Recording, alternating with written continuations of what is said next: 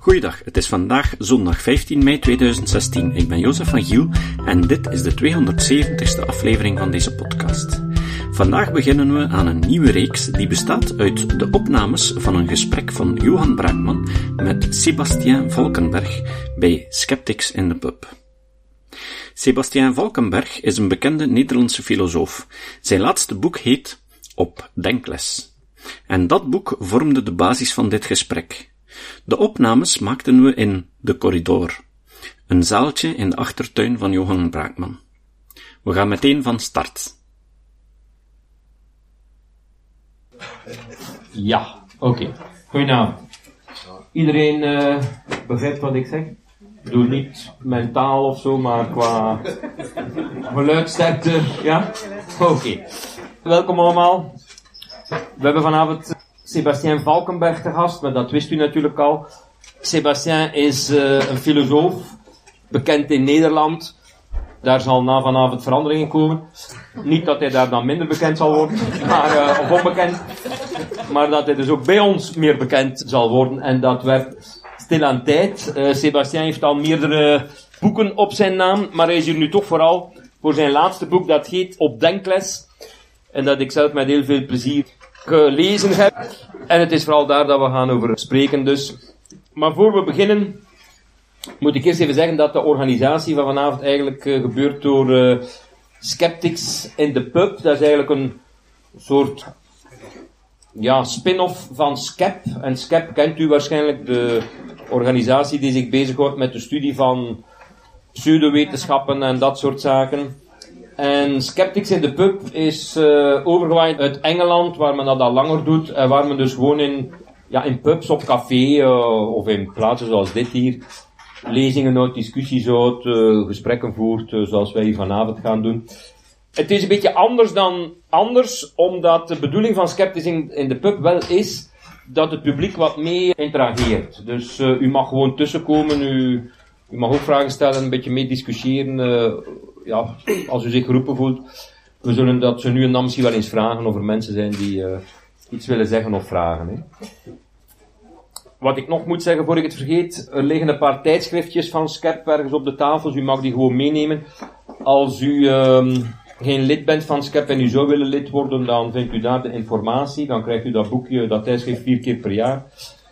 Als u op de hoogte wil blijven van wat er hier in deze zaal gebeurt, dan zou u een mailtje naar mij moeten sturen, of misschien ergens uw naam op een papiertje schrijven. En niet, niet zozeer uw naam, maar uw e-mailadres vooral.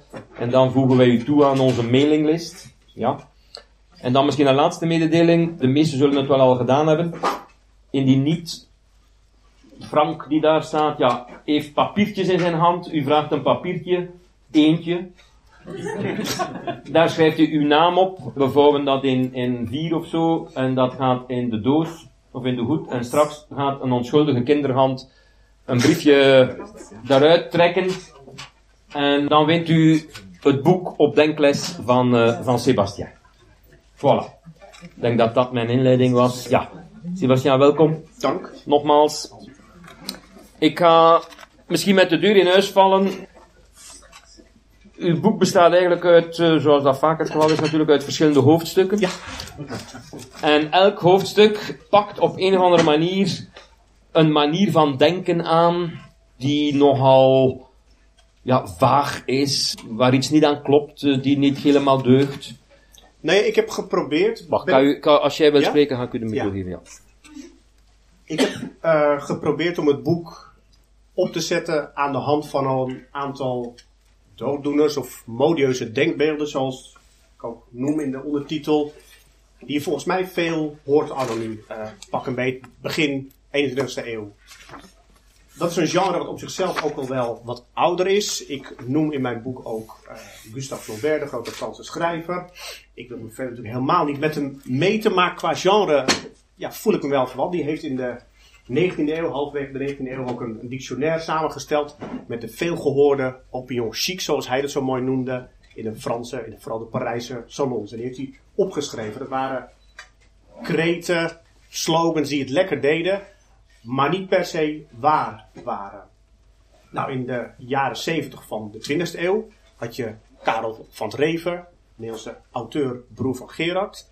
En die schreef uren met Henk Broekhuis. Ontzettend goed boek, nog steeds. En die boekstaafde daarin eigenlijk de, de slogans, de dooddoeners, de kreten van de jaren 70. De progressieve rode jaren 70. En ik dacht een jaar of twee terug van volgens mij is het wel weer tijd voor een nieuwe inventarisatie. Wat zijn nou ja, de belangrijkste, de meest veelgehoorde dooddoeners, modieuze denkbeelden van nu? Dus ik denk om- voor de inkadering, Ja. dat is inderdaad ongeveer eh, hoe, het, eh, hoe het boek is opgezet. Ja. Dus, dus modieuze vormen eh, van denken die toch problematisch zijn, zoals bijvoorbeeld de opvatting die je inderdaad vaak hoort natuurlijk, ja, tijdens een discussie of, of om een, of een discussie af te ronden. Ja, uiteindelijk heeft iedereen zijn eigen waarheid. hè. Dus nogal een relativistische opinie die, die, ja, die, die toch wijd verspreid is. Eh, maar dat is volgens jou natuurlijk niet het geval. Nee, Nee. Ja. Nou ja, het, het grappige is, ik, ik dacht dat hij een, een, een. Ik had hem al een tijdje niet gehoord, laat ik het zo zeggen. Alleen toen toevallig een aantal weken terug kwam ik Marcus Gabriel tegen, Duits filosoof die eerder een boek heeft geschreven waarin hij eh, het bestaan van de wereld ontkent. Hij heeft nu weer een nieuw boek. En eh naar aanleiding daarvan wordt hij veel geïnterviewd. En eigenlijk vertegenwoordigt hij precies die positie. eh, ik weet niet of ik hem mee heb genomen. Dat, dat, dat, dat citaat. Nou, ik heb hem hier niet voor het grijpen, maar hij zegt vrijwel letterlijk in, volgens mij een interview met Vrij Nederland. Er is niet zoiets als algemeen geldende uitspraken. Uitspraken die algemeen gelden, die bestaan niet. Dat is niet letterlijk. Iedereen heeft zijn eigen waarheid. Maar het heeft er wel alles, alles mee te maken. En ik denk, want dat was je vraag, van waarom is dat problematisch? Ik denk om, om, om grofweg twee redenen. Het is denk ik onterecht en het is denk ik ook onwaarachtig. Misschien eerst dat onterechte. Ja, ik denk dat het een opmerking is die zichzelf onderuit haalt. Het is een bijzonder algemene uitspraak. Ja, het is eigenlijk, eh, zou je kunnen zeggen, gaat, gaat hier het terugslagargument dat Socrates in stelling bracht tegen Protagoras, de sophist Protagoras, 2500 jaar geleden al op. Inderdaad, van de uitspraak dat algemene eh, uitspraken niet bestaan, is zelf ook algemeen bijt zich in de staart. bijt ja. zich in de staart. En het wordt ook gekker in dat interview met Vrij Nederland. Dan zegt die Marcus Gabriel wel van ja, we moeten ernaar streven om, om de wereld een stukje beter te maken. Genocide, genocide is scheisse. Ik ben het ermee eens. Lijkt mij inderdaad shit, eh, genocide. Iets. Maar het spreekt zijn stelling tegen. Maar dan denk je van ja, maar dat is lastig om vervolgens met zo'n algemene uitspraak op de proppen te komen. Ja. Maar waarom het onwaarachtig is, en daar heb ik misschien nog wel iets meer moeite mee, is dat het vooral een uitspraak is die het, denk ik, goed doet binnen de vier muren van de academie, bij wijze van spreken. Maar daarbuiten, ja, denk ik niet dat je er heel veel mensen een, een, een, een dienst mee bewijst. Uiteindelijk wil je verschil kunnen maken tussen bepaalde theorieën, bepaalde uitspraken. Om- misschien een, concreet voorbeeld. Ik kan me nog herinneren, dat anderhalf, twee jaar geleden, dat in, in, in West-Afrika eh, ebola heerste. En dan had je grofweg in West-Afrika twee visies. Je hebt inderdaad de, de medische, de wetenschappelijke interpretatie, of interpretatie, lezing. Het is een ja, eh virusziekte die interne bloedingen veroorzaakt. Of je hebt, en dat was de opvatting van Louis Zeidler, de aartsbisschop van Liberia uit mijn hoofd. En die zei: nee, dit is een straf. Goddelijk of niet, wil ik even van afwezen, voor promiscu gedrag. Nou ja, dan denk ik, dan volstaat zo'n benadering van iedereen heeft zijn eigen waarheid niet. Het is wel belangrijk dat als jij mensen wil genezen, dat begint wel met een juiste diagnose. Ja, en dan is zo'n zo'n zo'n vorm van relativisme dat spreekt uit, ach, iedereen heeft zijn waarheid. Dat is mij te lichtzinnig. Nu, zouden er mensen zijn die dat echt menen dat het allemaal, wat je ook zegt, op hetzelfde niveau staat? Of zou het niet eerder zijn dat mensen zoiets zeggen, ja, om van de discussie vanaf te zijn, om geen ruzie te krijgen, omdat, het is nu eenmaal niet altijd even aangenaam om een positie te verdedigen die misschien niet zo populair is. Uh, ja, je maakt mensen daar ongemakkelijk mee. Dus het wordt al snel gezegd natuurlijk, ja, uh, laat elk zijn gedachten hebben, ieder zijn waarheid. En wellicht voor allerlei zaken, ja, geuren, kleuren, smaken, is dat misschien niet eens zo'n slechte strategie. Maar zoals je zelf zegt, als het over belangrijke, bijvoorbeeld medische kwesties gaat of allerlei andere zaken, ja, uh, is dat toch een heel ander verhaal. Nu, dat brengt mij tot het punt, ja, wie of wat kan dan de, de arbiter zijn om te beslechten of iets beter is dan iets anders. Hè? En in, in je boek breng je toch naar voren dat wetenschap, daar waar wetenschap van toepassing is natuurlijk, uh, wel degelijk kan aanleiding geven tot het ontstaan van wat ik nu maar ronduit noem superieure kennis. Dus kennis die domweg beter is dan, uh, dan andere vormen van kennis, of die uit andere kennisbronnen, wat ze ook mogen zijn, ja. uh, geput wordt. Maar je wijst erop, ik denk ook terecht, dat ook dat door verschillende mensen, ja, sommige filosofen, postmodernisten, ook relativisten enzovoort, uh, in vraag wordt gesteld.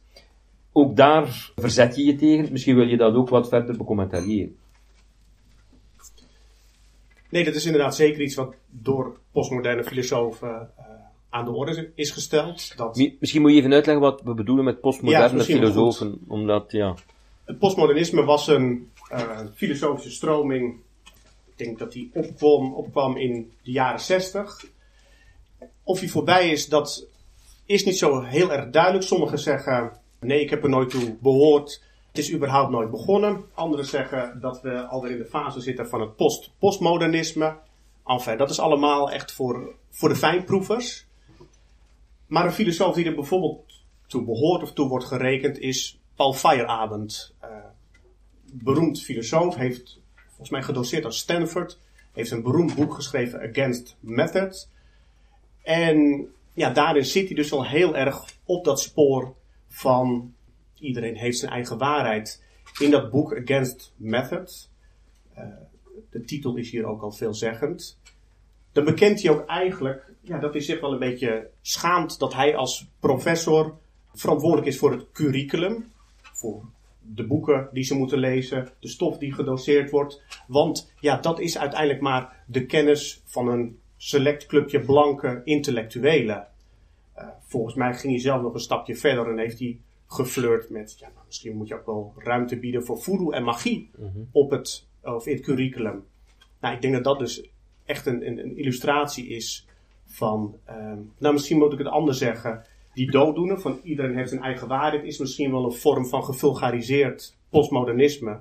Zoals het begonnen is bij mensen als Paul Feyerabend. Ja. Maar hoe leg jij uit aan mensen die, die dat soort redenering volgen? Je hoort ze toch inderdaad wel vaak. Zo ja, wetenschap is ook maar een opinie. Uh, er wordt dan ook va vaak gewezen op het feit dat wetenschap natuurlijk uh, zelf evolueert.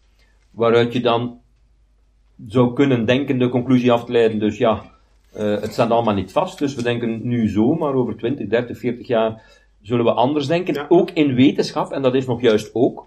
Ja. Maar de conclusie daaruit trekken, en dus is het ook maar een opvatting als een ander. Sommigen zouden zeggen, het is ook maar een religie, of ook maar een geloof, zelfs dat hoor je vaak. Ja. Dat is nogal populair bijvoorbeeld bij studenten ook.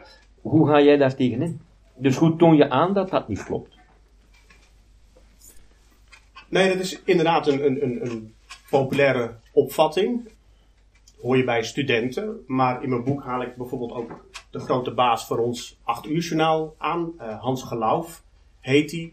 Die, op een gegeven moment nou ja, iets, iets, iets vertelde. Het ging geloof ik over de affaire Diederik Stapel in uh, Nederland. Moet je misschien ook even toelichten. Jaren uh, terug in Nederland. Hij had vooral faam gemaakt met allerlei uh, FOP-artikelen. bedachte artikelen ingestuurd naar academische tijdschriften, werden gepubliceerd. Nou ja, dat is op een gegeven moment is hij ontmaskerd. En toen was de vraag aan die Hans Gelauw van het 8 uur journaal. Had u dat niet minder voor zoete koek moeten slikken? Had u niet wat kritischer moeten zijn misschien? Want dus in het nieuws bracht men verslag uit over die studies van Stapel. Ja, ja precies, ja. inderdaad. Dus, uh, nou ja, het, het, beroemde vleeseters en hufters ja. onderzoek, dat is een, uh, een klassieker inmiddels. En zijn antwoord was, vond ik in die zin wel onthullend. Want wat, wat, wat zei hij? Hij zei van ja, het is een illusie uh, dat wij er zijn om waarheid te brengen. Wat vandaag waar is, heeft hij vrij letterlijk zo gezegd, is morgen alweer achterhaald. Nou, dat is in feite precies wat jij ook zegt. Ik denk wat hij daar door elkaar haalt, is dat vanzelfsprekend heeft kennis ook, of misschien wel juist, als het door wetenschap tot stand is gekomen, een bepaalde status van voorlopigheid. Alleen waar het misgaat, denk ik ook bij die Hans Geloof, is dat het wordt uitgelegd als een vorm van vrijblijvendheid. Dus kunnen we alles maar geloven. Wat je bijvoorbeeld ook vaak hoort uh, als het gaat om de evolutietheorie. Dat is, uh, het woord zelf zegt het al, ook maar een theorie. Nou, ik denk, die twee moet je wel goed uit elkaar halen. Natuurlijk hadden we vroeger het, geocentrische wereldbeeld. Daarvoor is in de plaats het heliocentrische wereldbeeld gekomen. Dus natuurlijk is dat de evolutie die plaatsvindt uh, in de wetenschap, door de wetenschap ook. Maar het is niet een soort vrijbrief sorry, om dan vervolgens maar alles te geloven. Dus ik denk dat het goed is om die twee uit elkaar te houden. Ja. Ik blijf nog even plakken bij de rol van de wetenschap. Je doet dat in je boek zelf ook. Uh, er zijn ook wel mensen die van mening zijn dat wetenschap ook haar eigen dogmatiek kent. Dus bepaalde manieren van denken geeft of methodes geeft. Vandaar zelfs misschien Feyerabend against method, hè, tegen de methode. En dat het vasthouden aan bepaalde methodes zo getuigen van ja, dogmatisch denken. Bijvoorbeeld in discussies omtrent zogenaamde alternatieve geneeskunde hoor je dat vaak, of lees je dat vaak. Het ideaal is natuurlijk dat je proeven doet, testen doet rond middelen met statistische methodes, dubbelblind proeven met controlegroepen enzovoort. Dat is allemaal redelijk goed uitgewerkt hoe dat precies moet. En in principe levert dat goede resultaten op.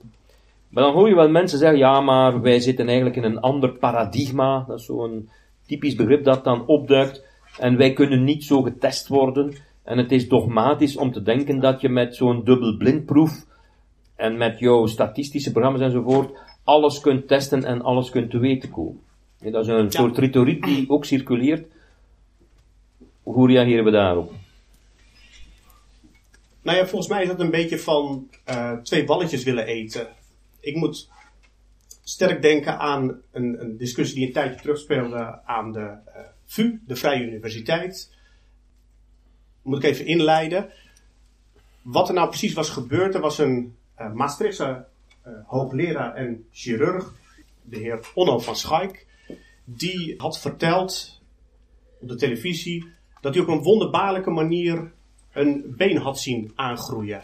En dat wonderbaarlijk bedoel ik in de zin van als in een wonder. Hij heeft dat letterlijk zo gezegd. Uh, ik kan het niet anders verklaren dan dat ik toen een wonder heb meegemaakt. Nou ja, dat is één ding.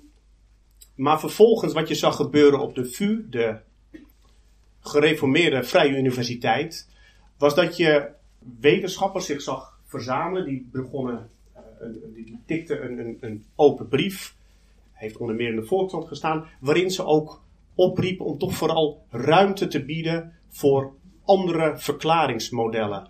Om, nou ja, het woord kwam me niet in voor, maar er kwam het wel op neer, niet dogmatisch wetenschappelijk te zijn. Dat dat niet de enige kennisbron kon zijn. Ja, en dan denk ik, het, het, het is van, van, van tweeën één. Wil dat, van dat wonder zou ik zeggen, mag je vinden. Maar je moet het niet de wetenschap in willen loodsen. Je moet het dan ook niet die uitspraak, het, het, het, hetzelfde epistemologische gehalte toekennen. Epistemologie is de kenleer, hè, als wetenschap die uh, uitspraken, hypothesen op een hele grondige manier toetst. Dus het, ja, vandaar wat ik, waar ik mee begon. Het lijkt een beetje op twee balletjes willen eten. Enerzijds willen ze wel ruimte voor de eigen methodiek. Anderzijds willen ze ook wel diezelfde odeur van, van wetenschappelijkheid, ja. uh, lijkt het. Ja, ik blijf daar toch nog eens bij hangen. Kun je ook niet stellen dat zich daar toch een probleem stelt als dus die man die dat beweerde is een arts, een hoogleraar zelfs, aan de medische faculteit verbonden. Ja, dus een hele knappe man.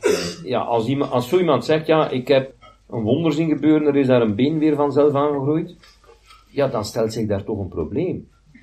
Nee, ik bedoel, als een, uh, ja. als een fysicus zegt, ik heb hier een perpetuum mobile uitgevonden, of een astronoom zegt, ik zie ufo's, ja, ik kan zo voorbeelden blijven geven, binnen een wetenschappelijke context, dan is daar toch een probleem. Dus, dus is daar niet op die manier ook op gereageerd? Nou ja, daar is een probleem. Aan de andere kant denk ik niet dat daar het echte probleem ligt. Van een chirurg wil ik vooral dat hij heel goed kan snijden. En die meneer van Schaik, die zei ook wel heel nadrukkelijk van, dit is een private mening. Waarbij we dan heel eventjes aannemen dat je die twee kan scheiden. Maar ik denk van het werd een wetenschapsfilosofische discussie. Toen de VUDE zich ermee begon te bemoeien. Dat die eigenlijk de alternatieve verklaringsmodellen, veel duidelijker wilde het ook niet worden, probeerden om toch ja, de wetenschap in te sleuren. Dus ik denk, van, vanaf dat moment, denk ik van, ja, dan is het, nou ja, alertheid geboden, om het zo maar te zeggen. Maar ja, want daar denk ik situeert zich het probleem. Je kunt de private opinie moeilijk onderscheiden van de rest daar. Bedoel, als een wetenschapper denkt dat een been vanzelf kan aangroeien of wonderbaarlijk kan aangroeien, dan raakt dat toch ook aan allerlei andere zaken. Wat gelooft hij dan nog? Dus dan, dan zou ik hem, ik persoonlijk zou hem toch onbetrouwbaar vinden als Dan zou je niet onder het mes willen bij hem. Liever niet. Nee. Want misschien probeert hij dan eventueel handoplegging of zo, weet ik veel. Ja. Bedoel, eh, het zet toch de deur open voor, voor allerlei andere zaken.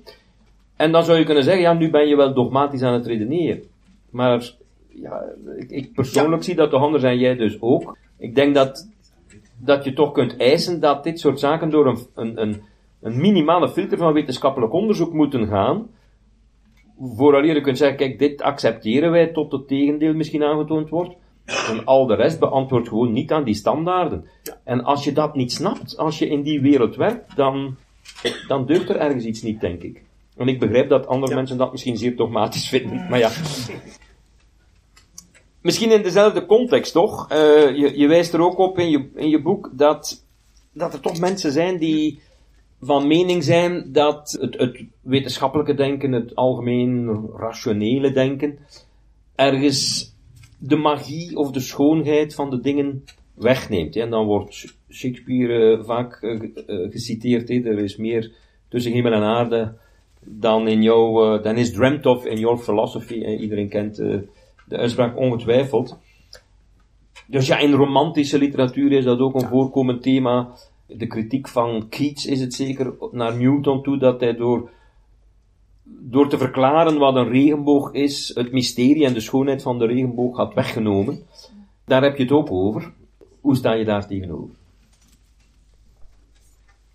Nee, in mijn boek stel ik de vraag, hè, die, die schoonheid in de natuur, om het zo maar te zeggen. Wie, wie heeft er het meeste recht om daarvan begeesterd te raken of onder de indruk te raken? Is dat inderdaad, zal maar zeggen, de, de gelovige, die daar de vinger gods in ziet, hè, zoals het dan heet? Dat uh, is een belangrijke denkstroom.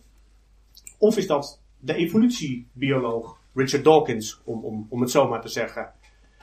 Ja, en ik denk dat vooral dat religieus, die religieus geïnspireerde bewondering, die is eigenlijk, als je erbij stilstaat, ja, toch een tikkeltje misplaatst. Want het is prachtig wat we allemaal om ons heen zien, maar als je wat beter gaat kijken, dan is het ook tamelijk onvolmaakt. Althans, dat is niet mijn klacht. Alleen als jij een almachtige schepper introduceert in je wereldbeeld, ja, dan ligt de lat gewoon tamelijk hoog. Eh, voor de schepping, om het zo maar te zeggen. Dus niet, ik weet niet hoeveel soorten ogen.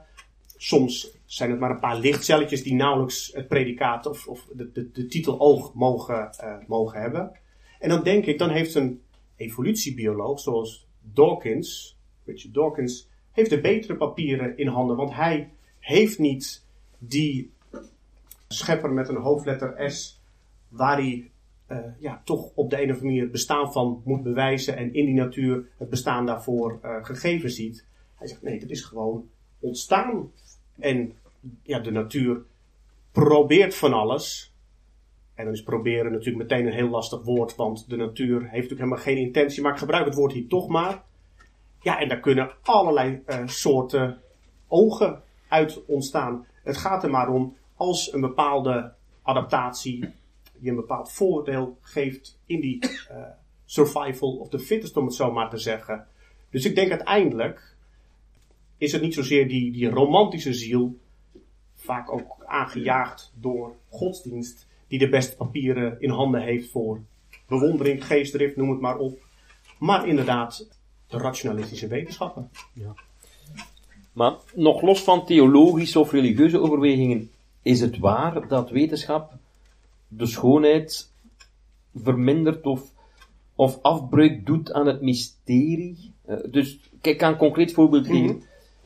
Mensen zeggen, kijk, als je bijvoorbeeld een wetenschappelijke verklaring van de liefde zou geven, en, en we hebben wel dat soort zaken vanuit evolutiebiologie en genetica en neurowetenschap en uh, er wordt een hormoon zus en zo aangemaakt en dat doet dit en dat in je brein en, en weet ik veel wat allemaal. Is het dan zo dat dat afbreuk doet aan de ervaring van de liefde? Nee. Of kun je dat gewoon van elkaar loszien? Je zegt gewoon nee, dus ik moet je de micro niet geven. Nee? Of, of heb je meer te vertellen?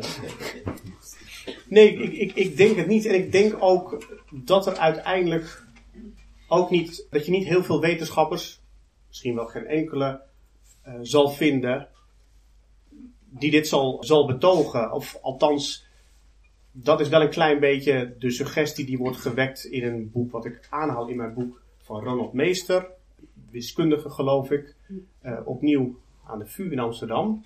Heeft een boekje geschreven, Arrogant, waarin hij zegt van ja, uh, wetenschappers die zijn arrogant in hun streven naar, nou ja, 100% kennis. Ze denken dat ze alles kunnen verklaren. En dan haalt hij onder andere ook Richard Dawkins aan. Die gewoon letterlijk in The God Delusion zegt van, ja, het is heel goed mogelijk dat er allerlei zaken zijn die wetenschappelijk gezien misschien niet verklaard kunnen worden. Dus ik heb het idee dat er ook vaak een stroopop wordt uh, geconstrueerd. Dus een geconstrueerde vijand die je vervolgens gaat zitten bestrijden. Althans, dat is mijn indruk. Het citaat. Beste luisteraars, ik raak stilaan uitgeput aan goede citaten. Dus, als jullie er nog goede hebben, die we nog niet op deze podcast gaven, stuur me gerust een berichtje. Maar doe wel wat zoekwerk om te zien of het een echt citaat is. Het citaat van vandaag komt van Daniel Dennett. Dennett zei, over redeneren moeten we echt op dezelfde manier denken als over romantiek. Je moet met twee zijn om de tango te dansen. Er moet communicatie zijn. Tot de volgende keer. Deze podcast is het resultaat van het werk van veel mensen. Rick de Laat verbetert bijna al mijn teksten en maakt de meeste vertalingen. Emiel Dingemans verzorgt onze website en Facebookpagina. Ook Leon Korteweg en Stefan Sutens schrijven, vertalen of verbeteren soms artikelen. Leon onderhoudt bovendien het YouTube-kanaal van deze podcast. De muziek van de intro en de trailer heeft Nick Lucassen geschreven en soms maken we ook gebruik van muziek van Ad van Nederpelt, die ons zijn prachtige composities ter beschikking stelt. Dit was de podcast Kritisch Denken. Vergeet niet om alles kritisch te behandelen, ook deze podcast. Voor verdere informatie over deze podcast, links en voor de tekst, surf naar www.kritischdenken.info. Als je deze podcast belangrijk vindt, kun je me steunen door anderen warm te maken ook eens te luisteren. Stuur een e-mail naar vrienden met een link naar de website en plaats de link in de handtekening van je e-mails. Tevens kun je op iTunes deze podcast een beoordeling geven of een recensie schrijven. Of je kan op je eigen website of blog een link naar kritisch denken plaatsen.